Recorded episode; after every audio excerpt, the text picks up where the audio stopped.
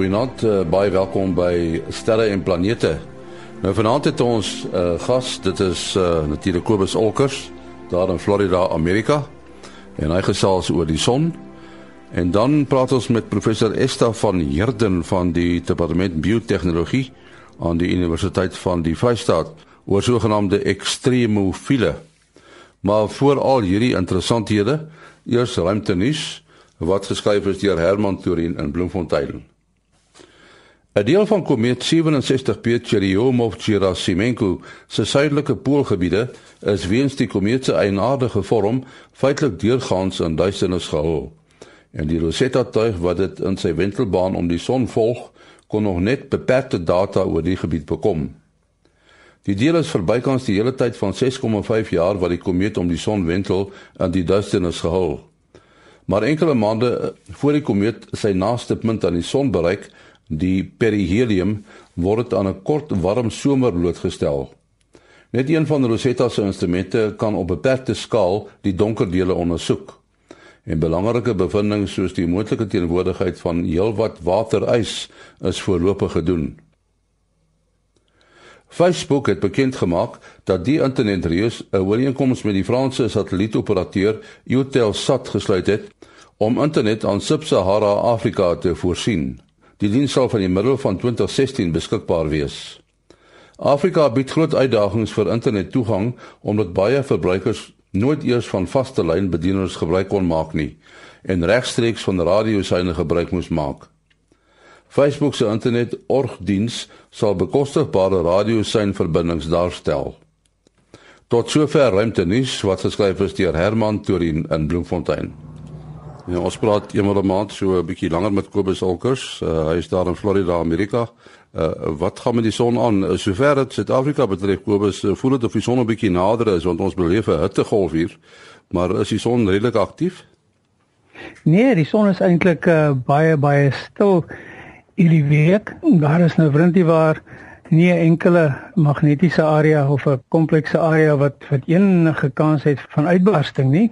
Uh ons het wel 'n redelike groot korona gat gehad wat hierdie week gebeur het. Hy was presies op die eintlik so laat verlede week gebeur het. Hy's nog so effe uh, geo-effektief hierdie week. Hy het nou hy het so weerskante so met al twee bene so so oor die son se ewenaar gestaan en ons het daar 'n interessante uh baie interessante uh fenomeen gesien.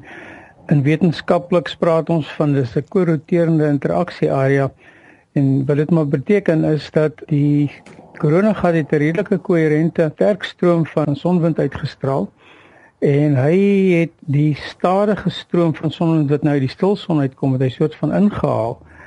En die twee goed kan as hulle nou by mekaar uitkom, kan hulle redelike sterk magnetiese skokke veroorsaak en dit het ons nou gesien. Ons het dit nou laat verlede week gesien hier so, so Vrydag Saterdag aand waar ons redelike auroras gehad het in die noordelike en suidelike by die noordelike en suidelike pole en selfs so laag gestele in Kanada.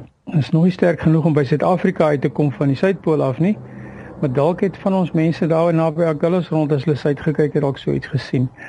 En dit is eintlik maar al wat gebeur. Daar's geen filamente hierdie week te sien nie. Daar is nie enige kor ander korona gate op pad nie behalwe natuurlik die gewone ou massiewe groot een wat soos 'n kalkop lyk so bo op die noordpool van die son wat 'n tipiese ding is van hoe die son lyk as die uh die minimum begin op pad is. Kom ons praat 'n bietjie want want eintlik in die die uh, geselsies met jou praat ons eintlik oor die effek van die son en in uh, ons nou met die uh, op die aarde. Maar nou wil ek by jou weet, um, hierdie invloed wat die son het, want daar's nou 'n hele klomp faktore wat 'n rol speel nie. Dit neem natuurlik nou af hoe verder jy weg van die son af is. Met ander woorde, 'n planeet soos Neptunus uh, sal uh, die invloed van die son nie so sterk voel soos 'n planeet uh, wat baie naby aan die son is, soos Mercurius. Kom ons vat nou die die hitte van die son. Ons voel die hitte van die son op 'n bepaalde manier hier op die aarde. Nou sê hulle 'n mens uh, het argumente halwe 'n planeet wat 2 maal so ver van die son is as wat die aarde is. Kry daai planeet 2 maal so min hitte as wat die aarde kry. Of uh, enige vorm van straling neem af met die met die omge omgekeerde uh mag van die son. So as hoe verder jy van die son af is, as hy twee keer so ver is, dan sal hy dan sal hy uh waarskynlik 'n kwart kry as ek nou as ek dit nou so vinnig reg het of is dit nou 'n agste. Dit neem baie vinnig af met die afstand, maar ons kan wel kyk na die onlangs met die onlangse uh missie na na na Pluto toe. Uh was daar nog genoeg van die son se se energie beskikbaar om, om dinge redelik moeilik te maak vir die mense wat foto's geneem het en hulle om die waarheid te sê hulle self van die son se straling gebruik gemaak om die die ander kant van Pluto te belig deur middel van die weerkaatsing van sy maane af. Die grootste effek wat die son by op op die naaste planete het, is natuurlik sy gravitasie. Die die die gravitasie neem ook met die omgekeerde mag af. Maar 'n ding soos soos wat jy nou net genoem het, soos Mercurius, ehm um, het het geweldige groot getye uh as gevolg van die van van sy beweging, sy sy rotasie en die son se gravitasie. As jy nou op afstand afstand soos die aarde van hom afkom, dan is die gravitasie nou nie meer so erg nie, sodat as jy 'n plaaslike maan het soos wat die aarde het, dan het jy natuurlik nou die maan wat eintlik die getye veroorsaak. Maar om nou terug te kom na 'n ding soos die son wind toe wat eintlik nie so so sterk afneem nie, dit, want dit hang af van byvoorbeeld of 'n koronagat redelik gefokusde kan 'n mens nou maar sê klomp wind op die ding afstuur, het Mars byvoorbeeld wat volgens alle wetenskaplike getuienis lyk asof hy 'n redelike goeie uh, atmosfeer gehad het, het toe hy sy sy magnetiese veld verloor het, het die sonwind die hele atmosfeer van Mars af weggewaai en dit is hoekom Mars vandag sonder atmosfeer sit. Die die son het 'n beslisste uitwerking op op al die planete, maak nie saak hoe ver of hoe naby hulle is nie. Ons praat nou van die sonwind en uh, en straling en magnetisme. Hoe hou die drie goed verband met mekaar? Wel, uh by by die aarde sit ons natuurlik dat die aarde so gemaak is dat hy die perfekte kombinasie van magnetisme, sonwind en straling kry uh sodat ons hier kan lewe. Die aarde is 'n magneet, hy roteer. As jy 'n magneet roteer binne 'n elektriese stroom soos ons op hoërskool geleer het, uh, uh dan dan kry jy wervelstrome. En wat ons in die proses kry is dat die aarde se magneetveld gee vir ons 'n beskermende laag teen die die sonwind wat eintlik maar niks anders as 'n as 'n elektriese stroom is wat na ons kan toe toe vlieg nie want dit is gelaaide partikels. Uh elektrone en so aan uh wat wat hier na toe kom, die protone is is positief gelaai, die uh, elektrone is negatief gelaai. Ons natuurlik 'n klomp ione ook. En ons kry dan dat hierdie gelaaide partikels wanneer hulle by die aarde se magneetveld gaan kom word gedeflekteer. So dit is maar maar kort hoe oulik die interaksie, hoe wonderlik en eintlik die interaksie is tussen tussen 'n magneetveld, die sonwind en elektriese strome. Goed, ons moet uh, ongelukkig daar stop. Uh, wat is jou besonderhede? Dis Kobus by gmail.com k o b u s olcurs@gmail.com. Baie dankie Kobus Olkers daar in Florida, Amerika. Nou, jy sal onthou hoe uh, uh, laasweek toe ons met uh, Dr. Japie van Sail gesels het oor uh, die die fonds daar op Mars, die die water. Toe het hy gesê dat die water wat daar gevind is is is soutwater. En daar's mos altyd die ewige vraag of uh of daar lewe daar buite is, of daar lewe is op ander planete iewers in die heelal. En uh toe uh die water nou in 'n sekere sin ontdek is, uh het die vraag ontstaan, is daar lewe in die water? Maar soos ek gesê het, Japie het gesê dit is soutwater. As ons nou sê sout, dan uh ons nie net aan natriumkloried, aan tafelsout en daar's 'n klomp ander soutte ook. Nou ons uh gesels vanaand met professor Esta van Heerden van die departement biotehnologie aan die universiteit van die Vrystaat oor uh, organismes wat moontlik kan leef in ekstreme toestande. En ek dink uh, Esta dit word uh, ekstremofiele genoem as ek nou reg. Goeienaand ja, en dit is verseker reg en ek dink ons word elke dag net verbaas met die hoeveelheid organismes wat ons op werklike strange plekke kry. Nou as jy mens dink aan 'n plek soos Mars of enige plek in die ruimte, dit is 'n sogenaamde vreemde plek. Uh dan moet 'n mens seker maar aanvaar dat uh, iewers is daar organismes wat uh, wat 'n voortbestaan maak. Verseker, ek dink as ons in ons soek tog na lewe op ander planete kyk, is dit baie makliker vir 'n organisme wat klein is om in sulke omgewing vir 'n lang tydperk dormant te bly en uiteindelik dan sal ons dit beskou as lewe eerder as 'n 'n groot organisme soos soos wat die films baie keer uitbeeld. Uh, as ons nou, jy weet oor hierdie saak praat en organismes en uh mikrobes, baie klein organismes. Jy weet, dan moet ons seker begin met die vraag wat beteken lewe eintlik? Wat wat is lewe? Wat watter vereistes moet daar wees om aan lewe te voldoen? As ons heeltemal die antwoord gehad het, het ons presies geweet waarna ons soek um, op Mars of die ander planete.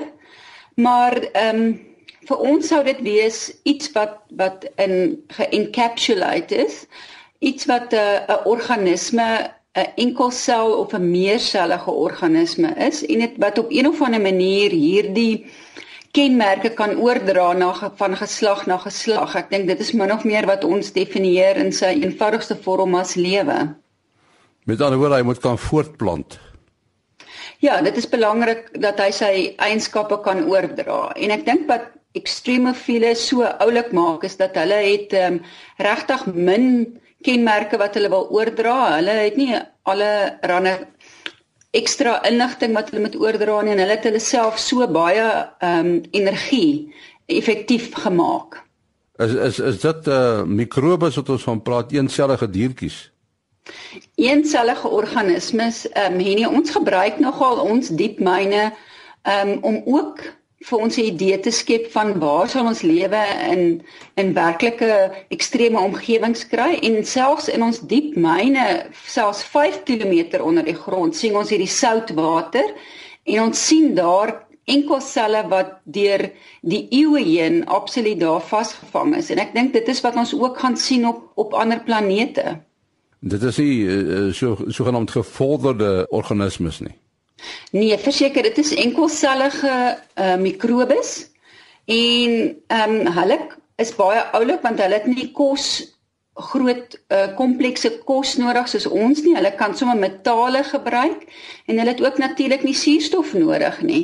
Ehm um, hulle kan ook natuurlik met bestraling baie effektief kompenseer. So dit is alles wat ons op Mars sien ekstreme temperature. Ons sien dat daar eintlik maar net 'n bietjie metale is. Daar's nie komplekse kos nie en daardie organismes of ekstremofiele kan dan oorleef stadig maar tog seker in in hierdie omstandighede. Nou hierdie uh, mikrobes word nou geklassifiseer in verskillende um, vorms. Met ander woorde daar's vir hulle wat in soutwater kan leef ander leef op ander plekke. Kry miskien bietjie daaroor gesels die, die verskillende soorte mikrobes wat jy kry Ja, ehm um, hierdie ons weet van organismes wat by baie hoë temperature le leef en ons noem hulle dan termofiele want hulle is lief vir hoë temperature.